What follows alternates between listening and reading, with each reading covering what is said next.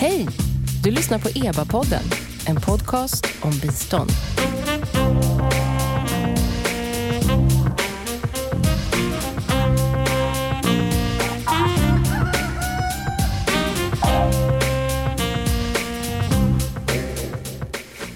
Välkomna till EBA-podden. Jag heter Noomi Östlund och den här podcasten ges ut av Expertgruppen för biståndsanalys, EBA. Det är en statlig kommitté som utvärderar och analyserar Sveriges internationella bistånd. Dagens program är något av ett specialavsnitt. Ni kommer nämligen få höra en uppläsning av vår årsrapport.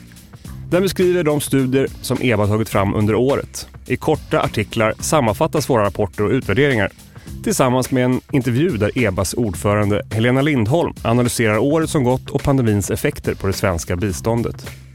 För dig som kanske inte hinner läsa alla våra rapporter får du i detta avsnitt en samlad bild av EBAs utgivning under 2021. Ett litet smakprov av allt vi granskat och utvärderat med normer och värderingar samt metoder som två tematiska röda trådar. Perfekt för dig som saknar lästid men ändå vill hänga med. Och förutom ljudbok så finns den här årsrapporten även tillgänglig i pappersform och digitalt på eba.se. Med den korta intron lämnar jag över till Marie Rickardsson. God lyssning! Biståndsanalys 2022 Det här är en inläsning av Expertgruppen för biståndsanalys årsrapport för år 2021. Förord Expertgruppen för biståndsanalys, EBA, är en statlig kommitté som oberoende utvärderar och analyserar Sveriges internationella bistånd. Vår årsrapport baserar sig på de studier som EBA tagit fram under året. Den finns förutom som ljudbok även tillgänglig i pappersform och digitalt. De rapporter som omnämns i inläsningen återfinns listade där. Coronapandemins andra år, 2021, har ytterligare befäst slutsatser som stod klara året innan. Pandemins effekter kan, förutom direkta förluster i människoliv, mätas i starkt ökat antal fattiga, utebliven skolgång, minskad jämställdhet, försämrad hälsa och försämrade livsvillkor för ett stort antal människor världen över. Detta innebär stora utmaningar för biståndet. Många regeringar har även, bland annat med coronapandemin som förevändning, ytterligare stramat åt utrymmet för civilsamhällesorganisationer, för media, för opinionsbildare och för demokratin i stort. Svenskt bistånd går till aktörer i många av dessa länder. Det grundläggande målet för svenskt bistånd, att skapa förutsättningar för bättre levnadsvillkor för människor som lever i fattigdom och förtryck, har alltså blivit än mer relevant under året. Pandemin i sig ställer krav på ändrade arbetssätt i genomförandet av biståndet. Social distansering försvårar samarbete kring utvecklingsprocesser. Men även biståndets inriktning behöver kontinuerlig omprövning. Dels utifrån de effekter pandemin fört med sig, dels utifrån det krympande demokratiska utrymme som följer av ökad auktoritär samhällsstyrning. EBAs huvudsakliga uppgift är att bidra med underlag till regeringens styrning och utveckling av biståndet. Men vår verksamhet är av relevans och intresse också för andra aktörer inom biståndet. Under året har EBA arbetat mycket med utvärdering som instrument i styrningen av biståndet. Hur tillförlitliga är biståndsutvärderingar? Vilka metoder finns tillgängliga för att förbättra utvärderingars kvalitet? Den typen av frågor är viktiga att ställa i en situation där biståndet kontinuerligt behöver utvecklas för att svara mot förändrade utmaningar i omvärlden. Förhoppningen är att de bidrag EBA ger ska vara användbara för en lång rad olika aktörer för inriktningen, utformningen och genomförandet av svenskt bistånd. Tillbakablick den extrema fattigdomen har under det andra pandemiåret ökat med häpnadsväckande siffror. Biståndets insatser för att bekämpa extrem fattigdom behöver förstärkas ytterligare, säger expertgruppen för biståndsanalys ordförande Helena Lindholm. Här följer ett antal frågor till Helena Lindholm. Hur vill du beskriva biståndsåret 2021? Även 2021 har präglats av pandemin och dess följder. Biståndet har delvis anpassats och skruvats om. Det har riktats till åtgärder för att hantera hälsoeffekterna av pandemin och för att lindra effekterna i form av ökad fattigdom och ojämlikhet. Samtidigt fortsätter de långsiktiga utvecklingsinsatserna rörande till exempel demokrati, mänskliga rättigheter, klimatanpassning, fredsbyggande och humanitära insatser. Har pandemin lett till ökad fattigdom och ojämlikhet? Det är tyvärr så. Under de två senaste åren har den extrema fattigdomen i världen ökat för första gången på 20 år. Vi ser alltså ett trendbrott. Enligt en FN-rapport ökade den extrema fattigdomen med 120 miljoner människor under 2020. Det är en häpnadsväckande siffra. Också inkomstskillnader ökar. Det betyder att biståndets arbete mot den extrema fattigdomen behöver förstärkas ytterligare. Har det andra pandemiåret varit annorlunda än det första på något vis? Det första året var mer chock och krisartat, medan 2021 var mer anpassningens år. 2021 har ju också präglats av diskussioner kring vaccinationer. För biståndets del är den globalt ojämlika och orättvisa fördelningen av vaccin en viktig fråga. Vi har också sett hur vissa länder tillämpar en sorts vaccindiplomati, det vill säga använder vaccinet för att främja vissa utrikespolitiska mål. Mycket av det svenskt bistånd försöker påverka har gått bakåt under 2021. Fattigdom, klimat, demokrati. Har bistånd blivit svårare? Biståndet verkar i komplexa miljöer där flera utmaningar i ökande grad samverkar. Fattigdom samverkar med svaga institutioner, brist på demokrati, konflikter och klimatförändringar. Det gör att biståndet i sig blir mer komplext. Ett exempel på detta är Afghanistan, där talibanernas maktövertagande innebar att Sverige omdirigerar sitt stöd. Stödet fortsätter och det humanitära stödet ökar i ett läge där bistånd till den afghanska staten inte anses möjligt. Även stödet till organisationer i civilsamhället fortsätter. Det visar på svårigheter för biståndet att verka i komplexa och konfliktfyllda miljöer där förutsättningarna kan förändras dramatiskt. Vad tänker du om 2021 och möjligheterna till gemensamma lösningar på gemensamma problem? Vad pandemin visar är nödvändigheten av multilateralt samarbete. Det kan låta som en klyscha, men för att hantera pandemin såväl som klimatförändringar, fattigdomsbekämpning och konflikter krävs samarbete. Samtidigt stöter det multilaterala samarbetet på svårigheter med ökade nationalistiska och auktoritära strömningar i världen, där länder som Kina och Ryssland gärna går egna vägar. Utvecklingsbakslag och problem att samarbeta internationellt påverkar det förutsättningarna för att utvärdera bistånd? Både och. Dels innebär det att det kanske är ännu viktigare att utvärdera och analysera biståndet för att verkligen lära hur det bäst kan kanaliseras under svåra omständigheter.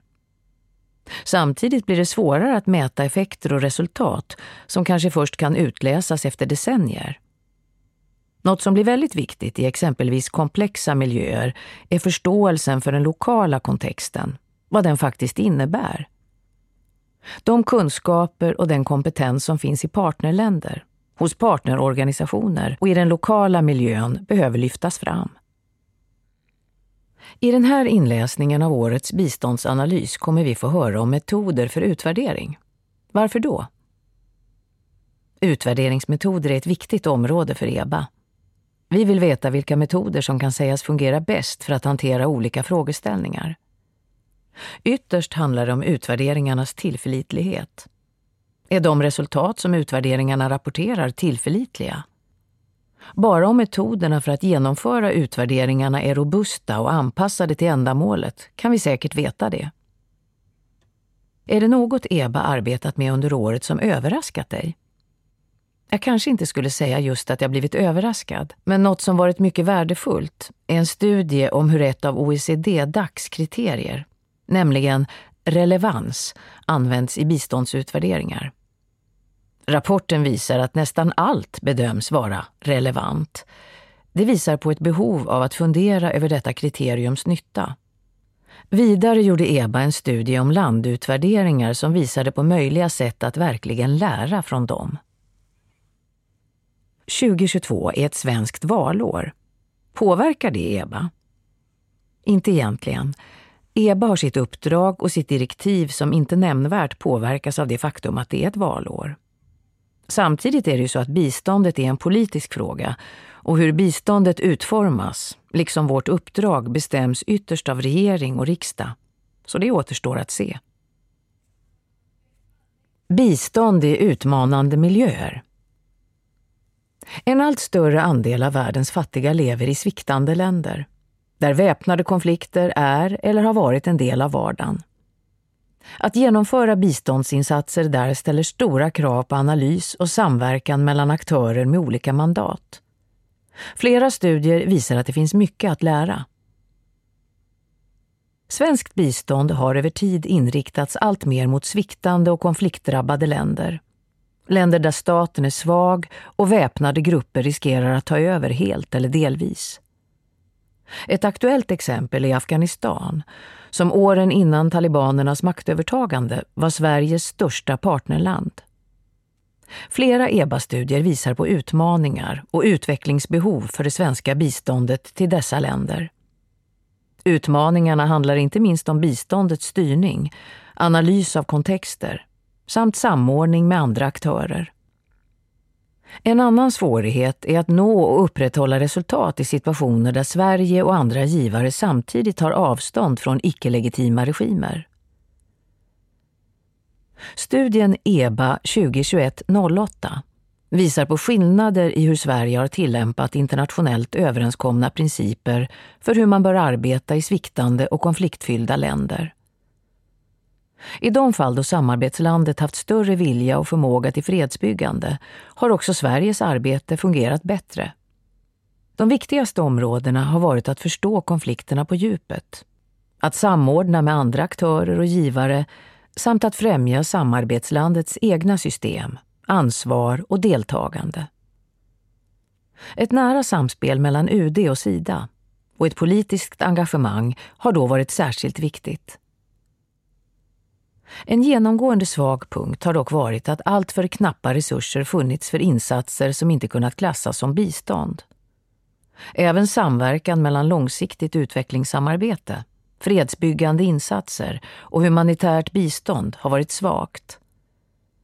Man brukar tala om denna samverkan i termer av ett nexusperspektiv där syftet är att anpassa, följa och bedöma insatser utifrån förutsättningar och behov i varje given situation. Nexusperspektivet har dock visat sig svårt att tillämpa i praktiken. Förbättrad samordning och kunskapsutbyte mellan internationella och svenska aktörer föreslås därför.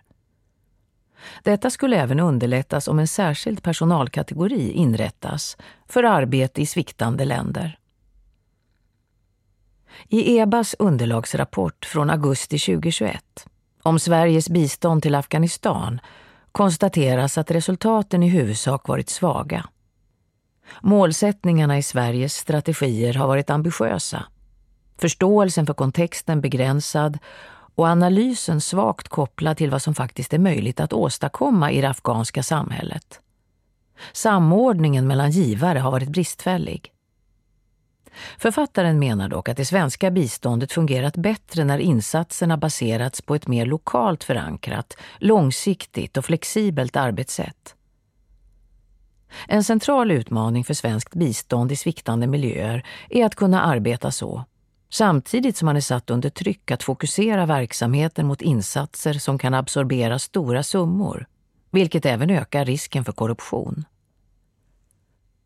Många av de slutsatser som presenterades i EBAs Afghanistanrapport var sedan länge kända hos ansvariga aktörer. Ändå tycks lite ha gjorts för att förändra eller styra om landprogrammet. Fallet Afghanistan visar att Sida, UD och Folke Bernadotte-akademin, FBA, i mycket högre grad än idag behöver kunna ställa om verksamhet utifrån vunna erfarenheter. Utvärderingen EBA 2021-07 av Folke Bernadotte-akademin visar att FBA på många sätt är en välfungerande organisation som når positiva resultat inom de områden där man verkar. Samtidigt tycks man arbeta utifrån delvis orealistiska målsättningar. Måluppfyllelsen bestäms huvudsakligen av politiska faktorer i samarbetsländerna. Medan FBA, som svensk myndighet, arbetar med tekniska eller administrativa insatser, utbildningar, kurser och personalbidrag.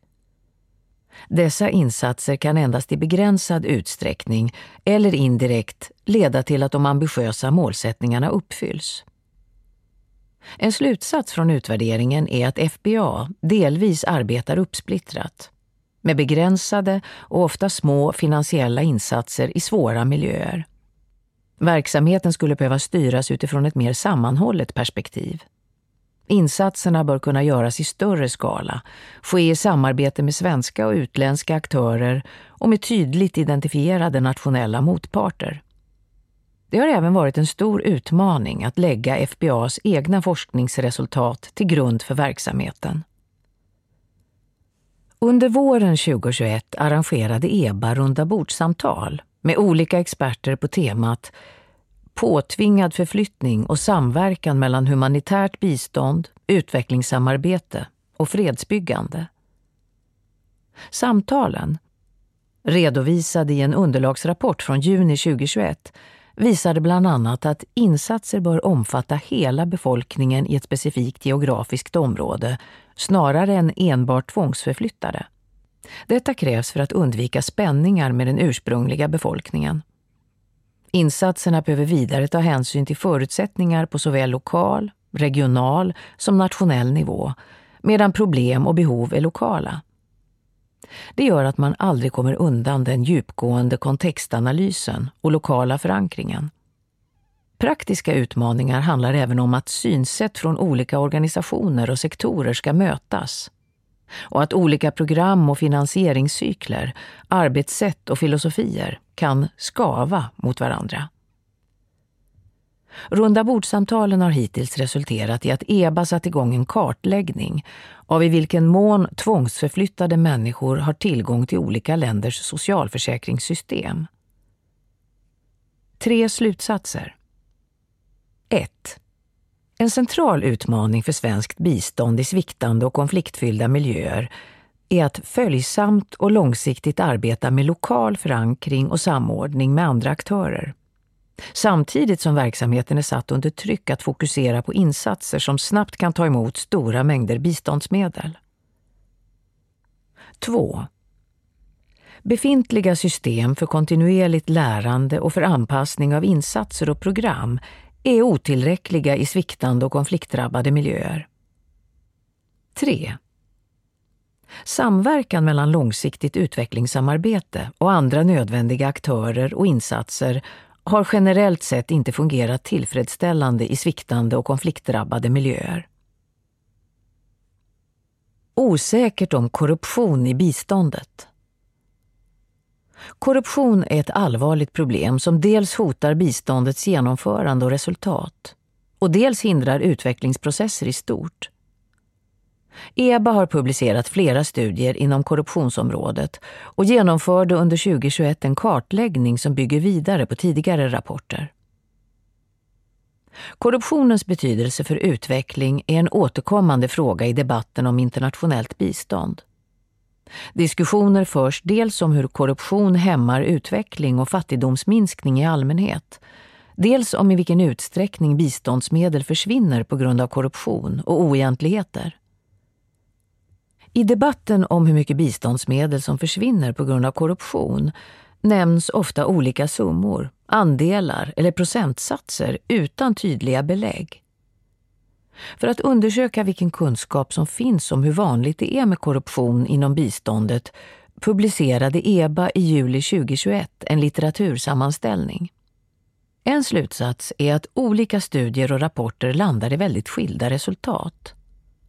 Varken korruptionens totala globala omfattning eller kostnad kan beräknas på ett tillförlitligt sätt. Siffror kring förekomsten av korruption inom biståndet varierar kraftigt.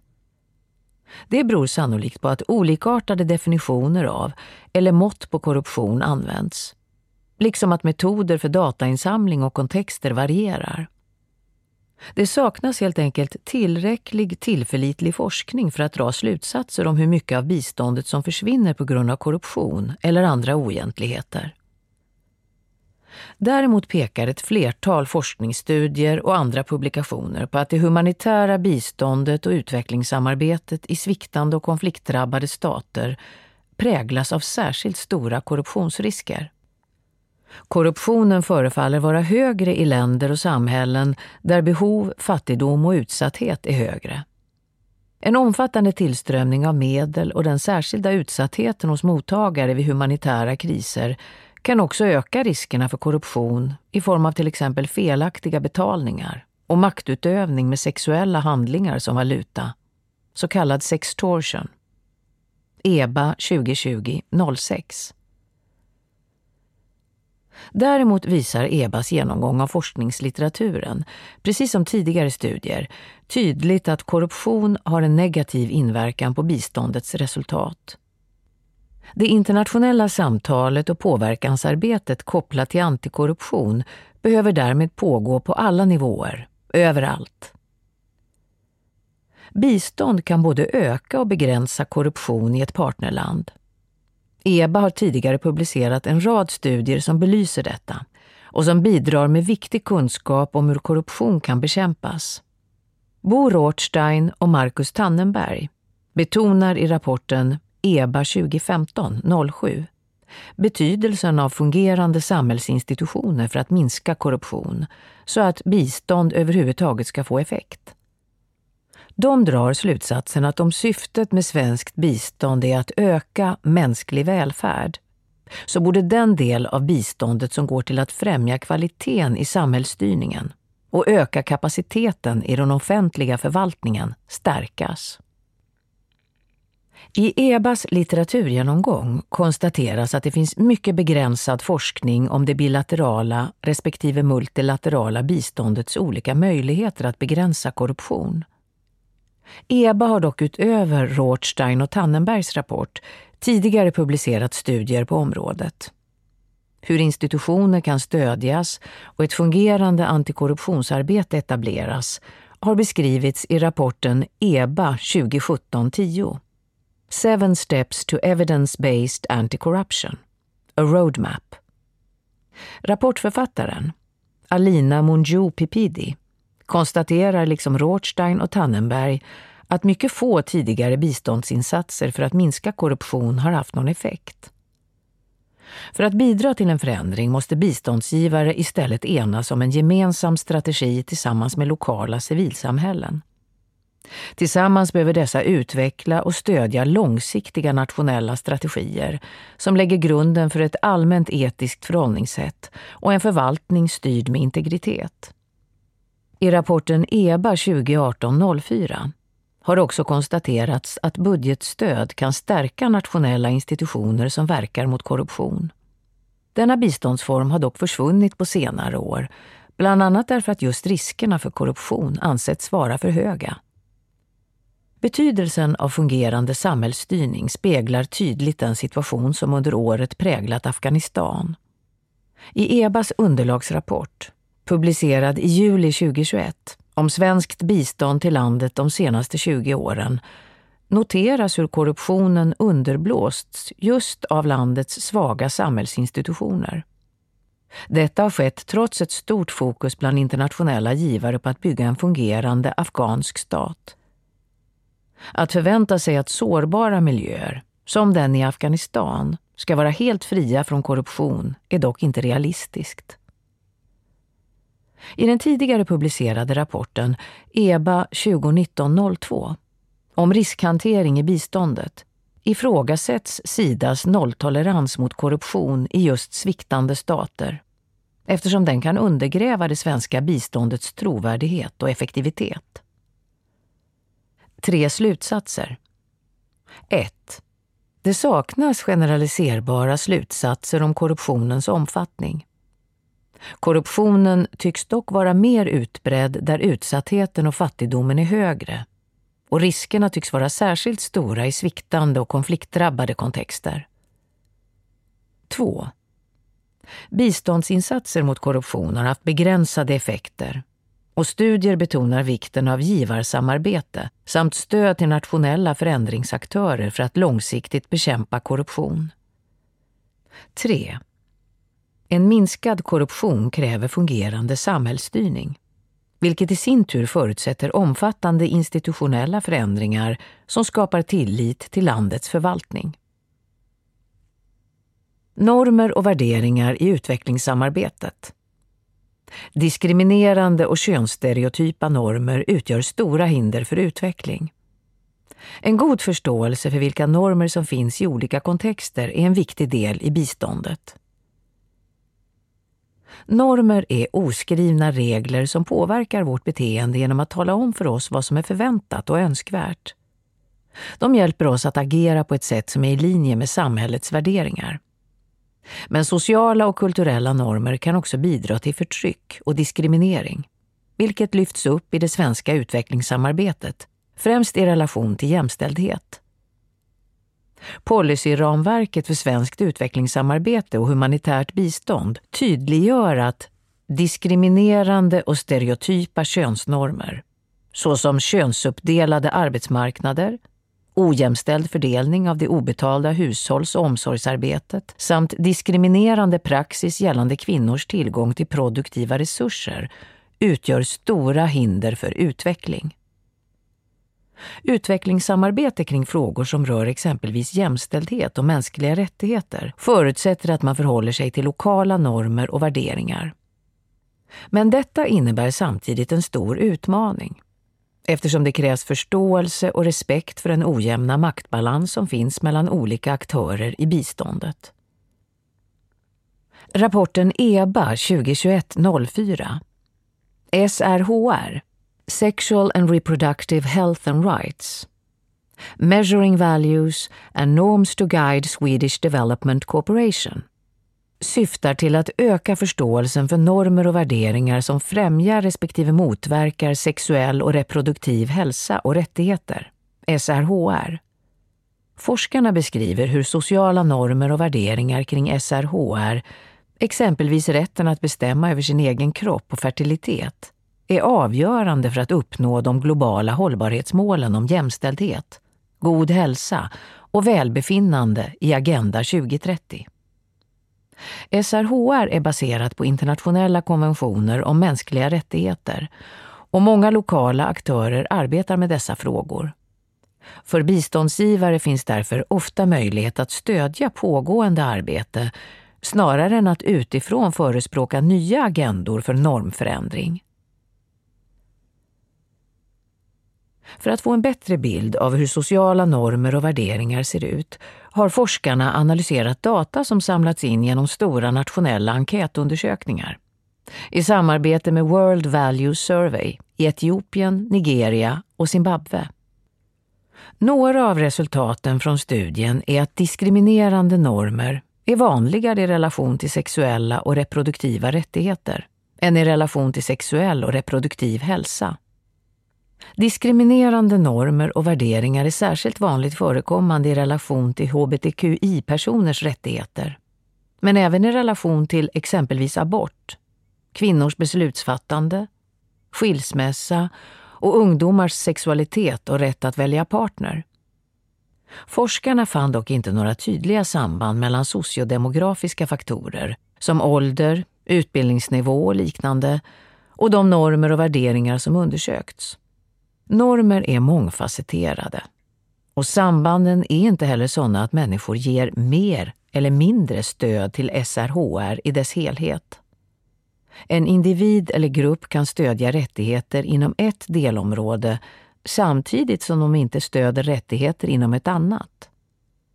I rapporten redovisas även en kartläggning av svenskt SRHR-bistånd till Afrika mellan 2010 och 2018 samt en analys av hur Sidas arbete förhåller sig till normer och värderingar. Där nämns i ett exempel från Zimbabwe att normer och värderingar ses som viktiga både av Sida och partnerorganisationer, även om de inte uttryckligen nämns i samarbetsstrategier. En slutsats som dras i rapporten är att det för att främja SRHR är avgörande att mäta och arbeta med normer och värderingar samt att låta diskussioner och insatser utgå från relevanta ramverk för mänskliga rättigheter. Mer konkret påverkar normer också hur flickor och kvinnor påverkas av sin menstruation.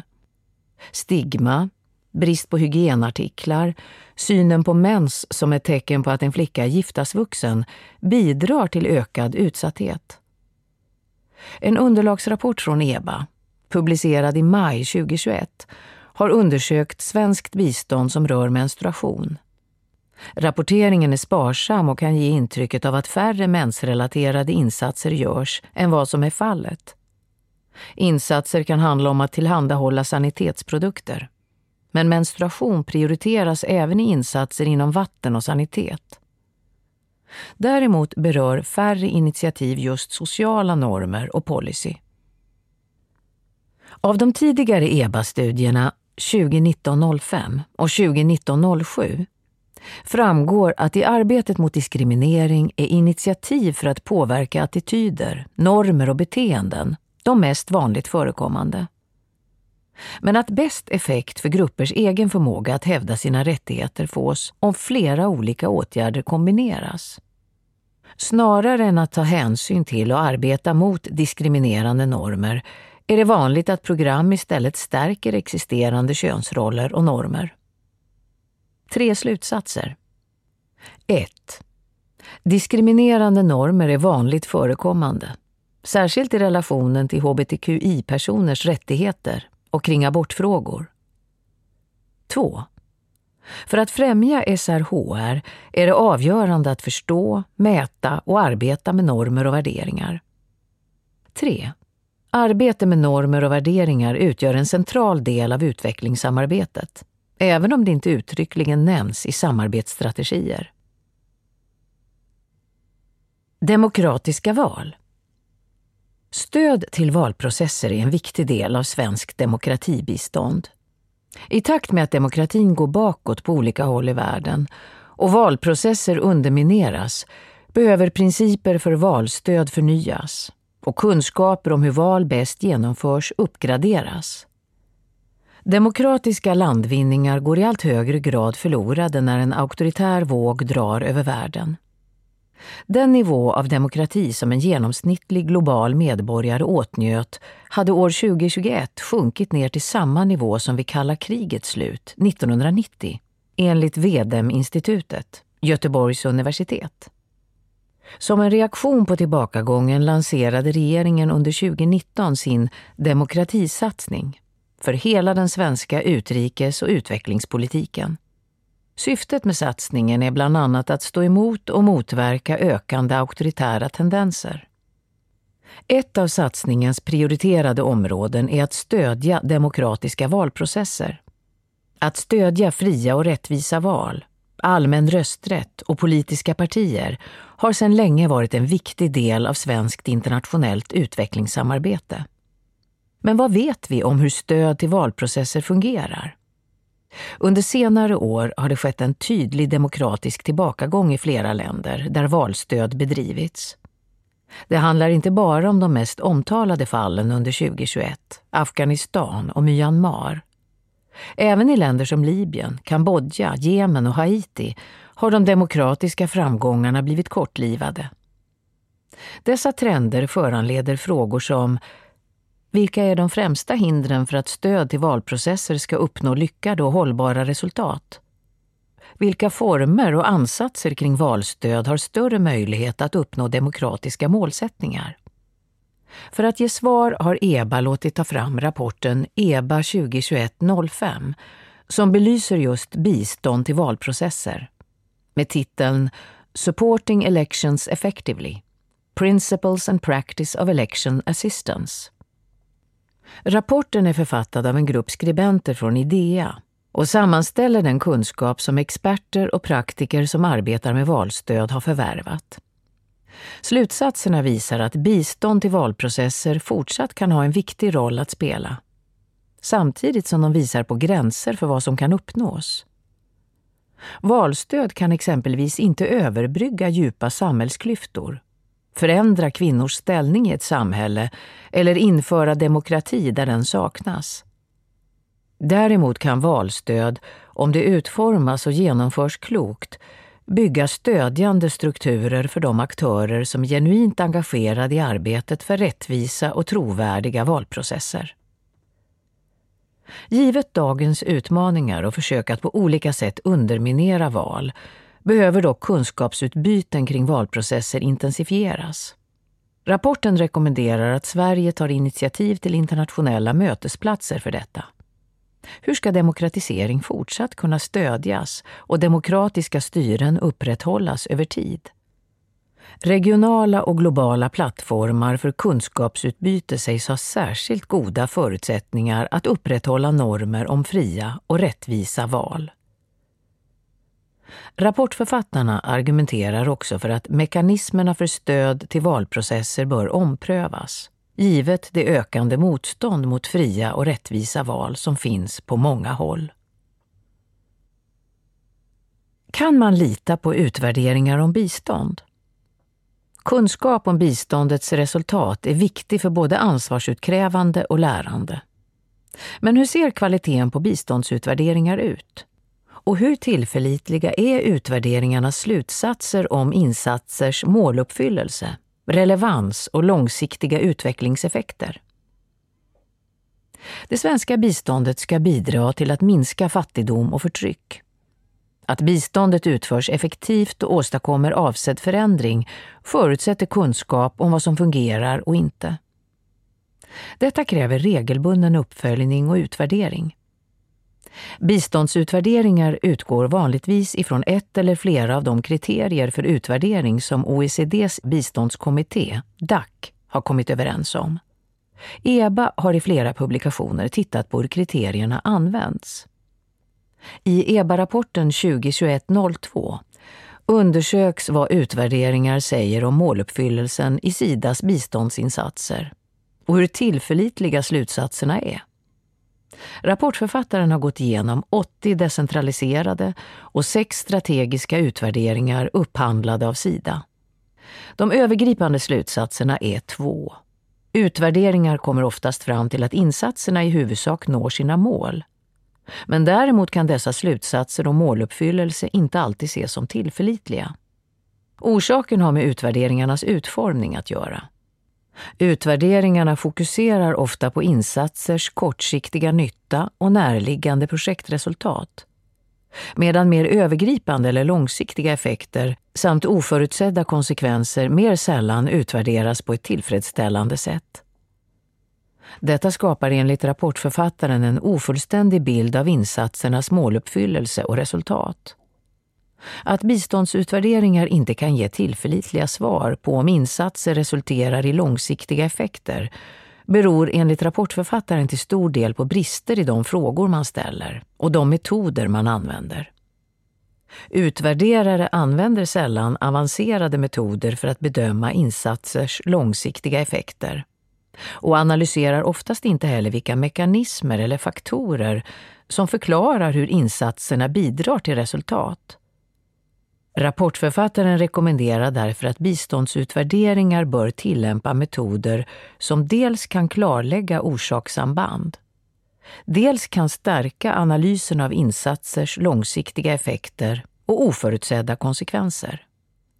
En annan rapport publicerad av EBA i mars 2021 har granskat hur OECD-DACs relevanskriterium, det vill säga hur väl biståndsprojekt svarar mot mottagarnas behov och prioriteringar, används i biståndsutvärderingar. Författaren drar slutsatsen att utvärderingar nästan alltid kommer fram till att biståndsinsatser är relevanta. Författaren problematiserar därför både hur relevansbegreppet används och de förenklade bedömningar som ofta görs. En svårighet med att utvärdera insatsers relevans är att det är oklart vem som ska svara på frågan. Är det biståndsgivaren, partnerlandet eller målgruppen som ska ges tolkningsföreträde? Författaren rekommenderar att relevanskriteriet endast bör användas när det passar utvärderingens syfte. När det väl används så bör utvärderingens uppdragsbeskrivning göra klart vems perspektiv som ska styra. Representanter från partnerländer och målgrupper bör delta i bedömningen. Bedömningen bör dessutom göras enligt en graderad skala istället för att vara en ja eller nej-fråga. EBA har i januari 2021 även publicerat en underlagsrapport som utvärderat kvaliteten och användningen av EBAs egna landutvärderingar. Utgångspunkten för utvärderingen har varit OECD-DACs kriterier. EBAs landutvärderingar har hittills berört biståndet till Tanzania, Uganda, Kambodja, två studier, samt Bosnien och Hercegovina. Författarna drar slutsatsen att EBAs landutvärderingar har bidragit med värdefulla resultat och kunskap som kan stimulera lärande. Särskilt vad gäller biståndets långsiktiga effekter på fattigdomsbekämpning. Men i underlagsrapporten finner man också att utvärderingarna i liten utsträckning fokuserat på partnerländers prioriteringar, samordning med andra givare eller på gemensamt lärande hos målgrupper i partnerländer och i Sverige. Rapporten påpekar också att utvärderingarna till viss del varit metodologiskt svaga och mer deskriptiva än förklarande.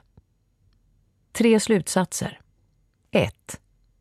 Utvärderingar av bistånd kommer oftast fram till att insatser når sina mål och är relevanta. Däremot är tillförlitligheten i utvärderingars slutsatser, just när det gäller insatsernas måluppfyllelse, relevans och långsiktiga effekter, ofta inte tillfredsställande. 2. Förtydliganden av vad som menas med relevans behöver göras, från fall till fall, vilket kan leda till mer informativa och nyanserade relevansbedömningar.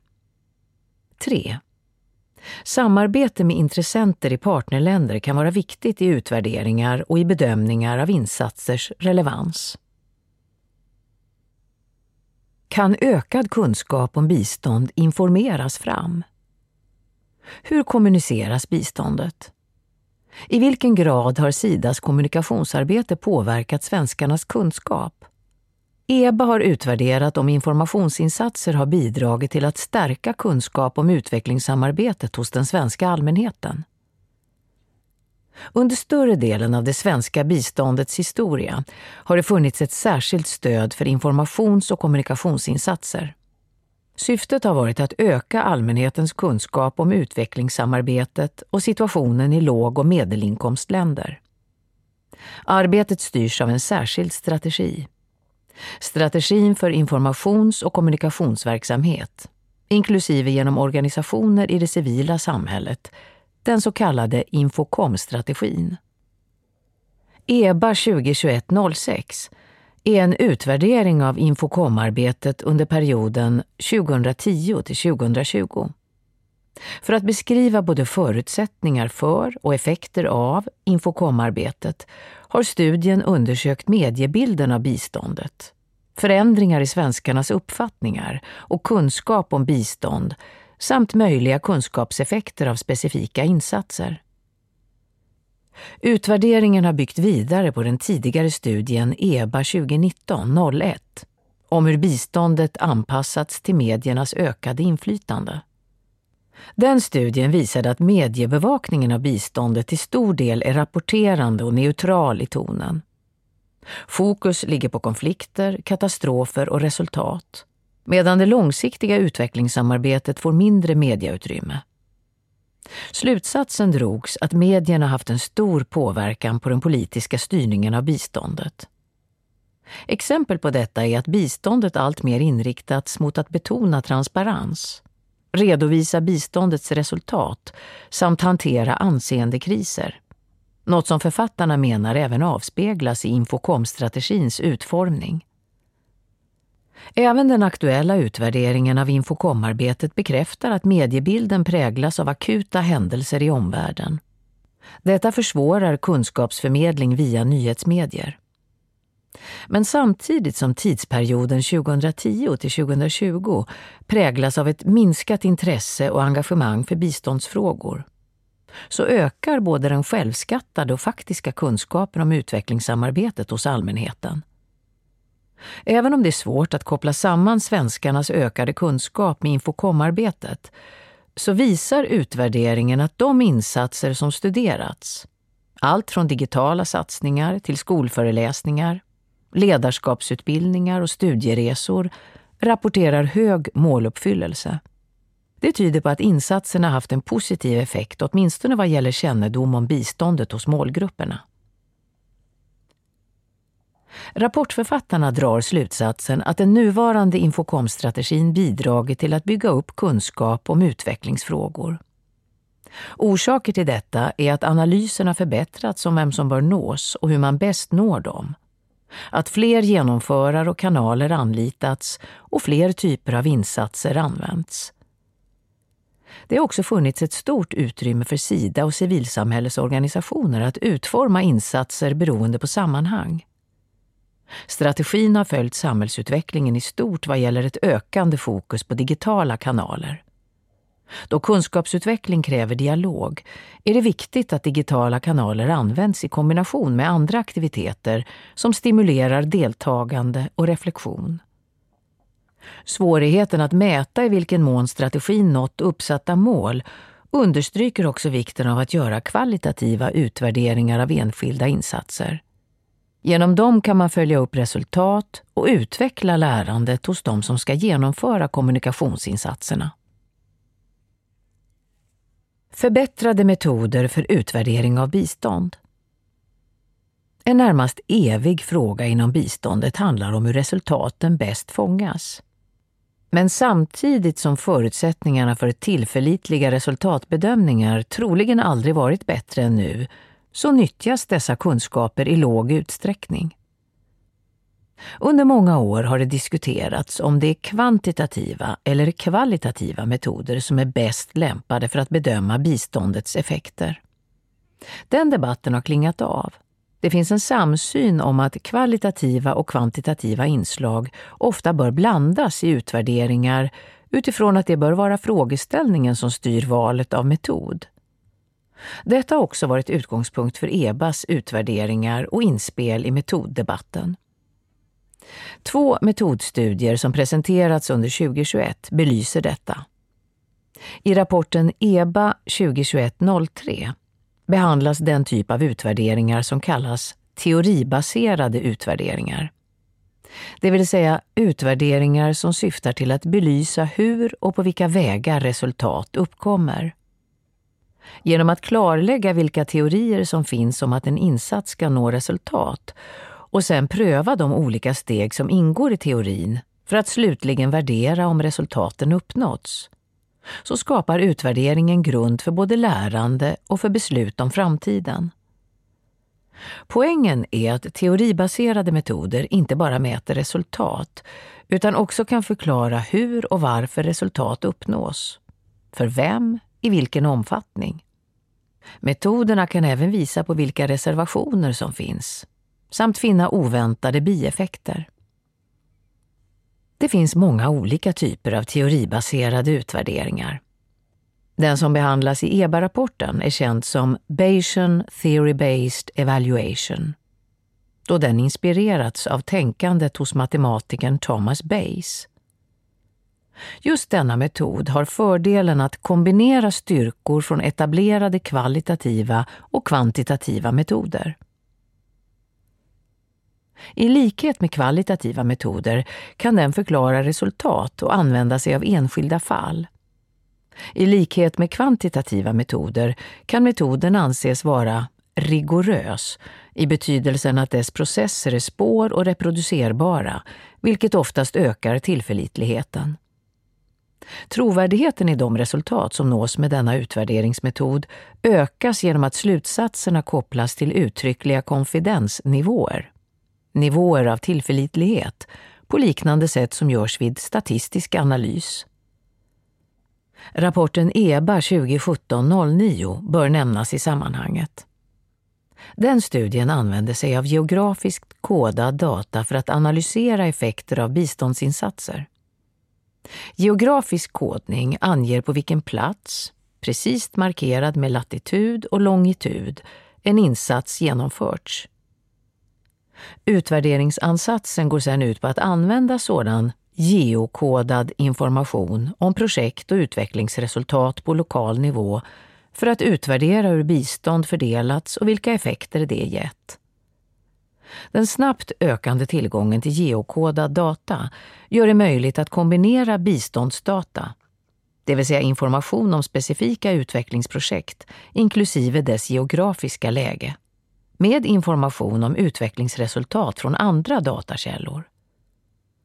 Exempelvis kan man kombinera geokodad data med information från enkäter på individ eller hushållsnivå för att utvärdera utvecklingsprojektens fördelning och lokala effekter. Detta kan göras systematiskt och i stor skala, om man så vill, för flera mottagarländer samtidigt. Ytterligare ett sätt att arbeta demonstreras i rapporten EBA 2021-01. Där undersöks möjligheten att med hjälp av datorer och språkteknologi maskinellt analysera stora mängder text. Metoden brukar kallas maskininlärning. Frågan som ställs är om sådana redskap och metoder kan ge tillförlitliga sammanställningar och analyser av information och slutsatser från tidigare utvärderingar. EBA-rapporten går igenom styrkorna och svagheterna med dessa metoder och argumenterar för att 1. Beskrivande statistik kan samlas in snabbt och effektivt med metoder inom maskininlärning. 2. Precisionen i den statistik man får fram är i nivå med en manuell bedömning. 3. Det finns utmaningar i mer komplexa tolkningar av resultat, såsom om ett projekt bedömdes vara hållbart eller inte. Samt 4. De mer komplexa tolkningarna skilde sig också åt när människor stått för bedömningarna. Författarna drar slutsatsen att användbarheten av metoder inom maskininlärning beror på vilka resurser som finns tillgängliga, vilka krav som ställs på transparens och möjlighet för andra att göra om studien, samt vilka behov som finns av en utökad analys. Tre slutsatser. 1. Det går att säga betydligt mer om biståndets resultat och effekter. Det svenska biståndets aktörer kan göra mer för att tillvarata de nya utvärderingsmetoder som finns att tillgå. 2. Kunskaper om nya kvalitativa och kvantitativa metoder för effektutvärdering finns vid universitet, såväl i partnerländer som i vår del av världen. Satsningar för att prova och experimentera med dessa metoder för utvärdering är därför påkallade. 3.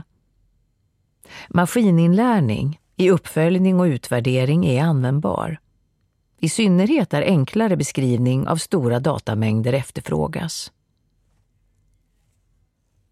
Cirkulär ekonomi och utvecklingssamarbete Cirkulär ekonomi lyfts fram som en hörnsten för ett hållbart samhälle i såväl Sverige som internationellt. EBA har låtit studera vad detta betyder för utvecklingsländer och det svenska biståndet. Sedan 2020 har Sverige en nationell strategi för cirkulär ekonomi. Och under 2021 beslutade regeringen om en nationell handlingsplan. Inom biståndet har cirkulär ekonomi och närliggande begrepp funnits i flera styrande dokument sedan länge. I policyramverk för svenskt utvecklingssamarbete och humanitärt bistånd slås det fast att utvecklingssamarbetet ska bidra till en omställning till en fossilfri ekonomisk utveckling, byggd på resurseffektiv, cirkulär och biobaserad ekonomi med giftfria kretslopp Cirkulär ekonomi spelar också en allt större roll inom det internationella utvecklingssamarbetet och är ett prioriterat tema i EUs nya biståndsstrategi för perioden 2021 till 2027. Vad ett ökat fokus på cirkulär ekonomi kan få för effekter i utvecklingsländer är dock mindre känt. Och frågan om vilken betydelse det kan få för det svenska biståndet har inte studerats. Därför lät EBA ta fram en underlagsrapport i maj 2021 som belyser begreppet och dess betydelse för utveckling och bistånd. I rapporten presenteras också en övergripande portföljanalys av Sidas insatser på området.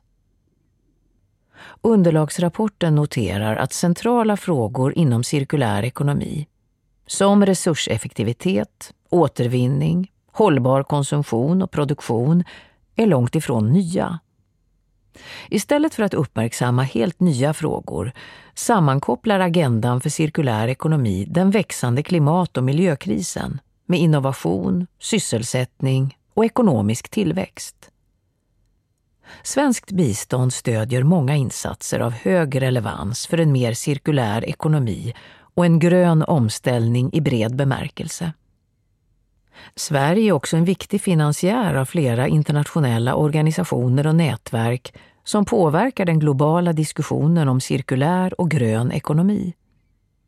Men trots en stark nationell och internationell agenda saknas det inom svenskt bistånd en specifik strategi för cirkulär ekonomi.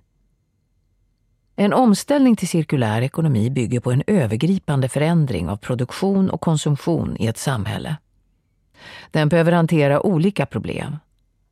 En ofullständig omställning medför exempelvis risker för handel med sekundära material och produkter mellan länder. Där miljölagstiftning och teknisk kapacitet är bristfällig riskerar återvinning att leda till höga ökade miljömässiga och sociala kostnader. En annan risk kan vara att nya produktstandarder för hållbarhet, återvinningsbarhet eller spårbarhet de facto kan bli handelshinder för låginkomstländer med begränsad anpassningskapacitet. Denna typ av utmaningar liknar det som tidigare beskrivits av Expertgruppen för biståndsanalys i studien EBA 2015-08 om företagsengagemang i biståndet.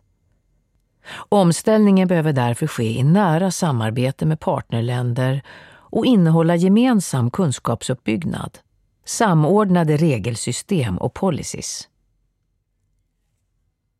Framåtblick det svenska biståndet skulle tjäna på ökad tydlighet kring hur politiska förslag och prioriteringar bidrar till biståndets övergripande målsättning.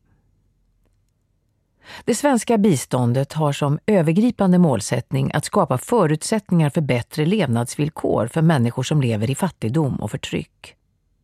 Med grund i denna bestäms biståndets inriktning av åtta tematiska områden. Prioriteringar mellan och inom dessa ska ske för varje enskilt land, region eller organisation. Biståndet ska därtill vara i linje med hela 169 odelbara delmål inom de globala målen för hållbar utveckling. Detta ger utrymme för en bred, alternativt fragmenterad verksamhet när biståndet ska implementeras.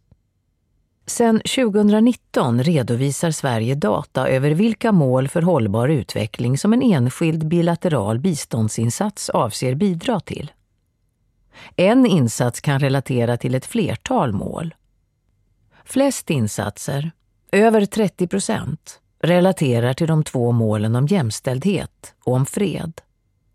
Mindre än 20 procent av det svenska bilaterala biståndet syftar till att direkt bidra till det första målet, att avskaffa fattigdom, vilket är lägre än den andel bistånd som ska bidra till det sista målet, som främst berör genomförandefrågor. Att bistånd riktas mot annat än direkt fattigdomsbekämpning är i sig inte märkligt. En multidimensionell förståelse av fattigdom, som bland annat innefattar utbildning, hälsa och mänsklig säkerhet, är motiverad. Men den skapar också en snårig väg mellan politisk inriktning och verksamheters utfall som gör bistånd svårare att förstå. Det svenska biståndets storlek, det så kallade enprocentsmålet, diskuteras idag mer än på länge. Biståndet är alltid delvis politiskt och kan ta hänsyn till andra utrikespolitiska, liksom inrikespolitiska, prioriteringar. Det är inte självklart att sådana hänsyn alltid är i linje med biståndets övergripande målsättning. Det förefaller finnas en bred politisk uppslutning kring bistånd för områden som klimat, globala nyttigheter, humanitärt stöd och annan krishjälp. En bedömning är därför att dessa områden kan komma att prioriteras såväl vid ett bibehållet som övergivet enprocentsmål. Därmed riskerar andra områden att nedprioriteras. Det kan vara arbete för att stärka utsatta gruppers förutsättningar för bättre levnadsvillkor vid förtryck eller krympande demokratiskt utrymme. Eller bistånd för utbildning och hälsa till relativt stabila låginkomstländer. Mängden mål och antalet instrument i ett komplext område under tilltagande politisering fordrar inte nödvändigtvis ett enklare bistånd men ett pedagogiskt samtal om biståndets förmåga att göra skillnad. Det ställer krav på tydlighet i samtalet om hur föreslagna biståndspolitiska prioriteringar förväntas öka måluppfyllelsen av det svenska biståndet. EBA hoppas kunna bidra till dessa samtal. Du har hört en inläsning av Biståndsanalys 2022 en årsrapport från Expertgruppen för biståndsanalys för år 2021. Med mig, Marie Rickardsson. I den skriftliga versionen hittar du en sammanställning av alla EBAs pågående studier, publicerade rapporter samt seminarier och podcasts under 2021. Detta är Expertgruppen. Helena Lindholm, ordförande professor i freds och utvecklingsforskning vid Göteborgs universitet med inriktning på Mellanöstern. Johan Schar, vice ordförande. Ordförande för Alnap och Associate Senior Fellow, SIPRI. Före detta chef för biståndskontoret i Jerusalem och avdelningschef på Sida. Kim Fors, ledamot. Konsult inom utvärdering bred internationell erfarenhet av att utvärdera bistånd. Torgny Holmgren, ledamot, VD för Sivi. Tidigare bland annat ambassadör, enhetschef på UD och vice ordförande för OECD, DAC. Sara Johansson de Silva, ledamot. Konsult inom utvärdering och analys för bland annat Världsbanken, UNDP och Unido. Staffan I. Lindberg, ledamot. Forskningsledare, Varieties of Democracy. Föreståndare, VDM-institutet. Professor i statsvetenskap vid Göteborgs universitet. Magnus Lindell, ledamot. Ordförande för Forum SIV. Tidigare chef för Riksrevisionens internationella verksamhet och operativ chef på Sida. Joakim Molander, ledamot chef för resultatstyrning vid IDEA. Tidigare på Sida, bland annat som utvärderingschef. Julia Schalk, ledamot. Policychef på WaterAid, tidigare bland annat vice ordförande för Concord Sverige. Jannet Vähämäki, ledamot. Enhetschef för utveckling på Stockholm Environment Institute. Tidigare Sida och UD. Och så här avslutningsvis. Om du som lyssnar nu skulle vilja fördjupa dig i någon av årets studier så finns de såklart att läsa och ladda hem på eba.se. Där finns också årsrapporten Biståndsanalys 2022 som blädderbar pdf. Jag heter Noomi Östlund och tack för att du har lyssnat.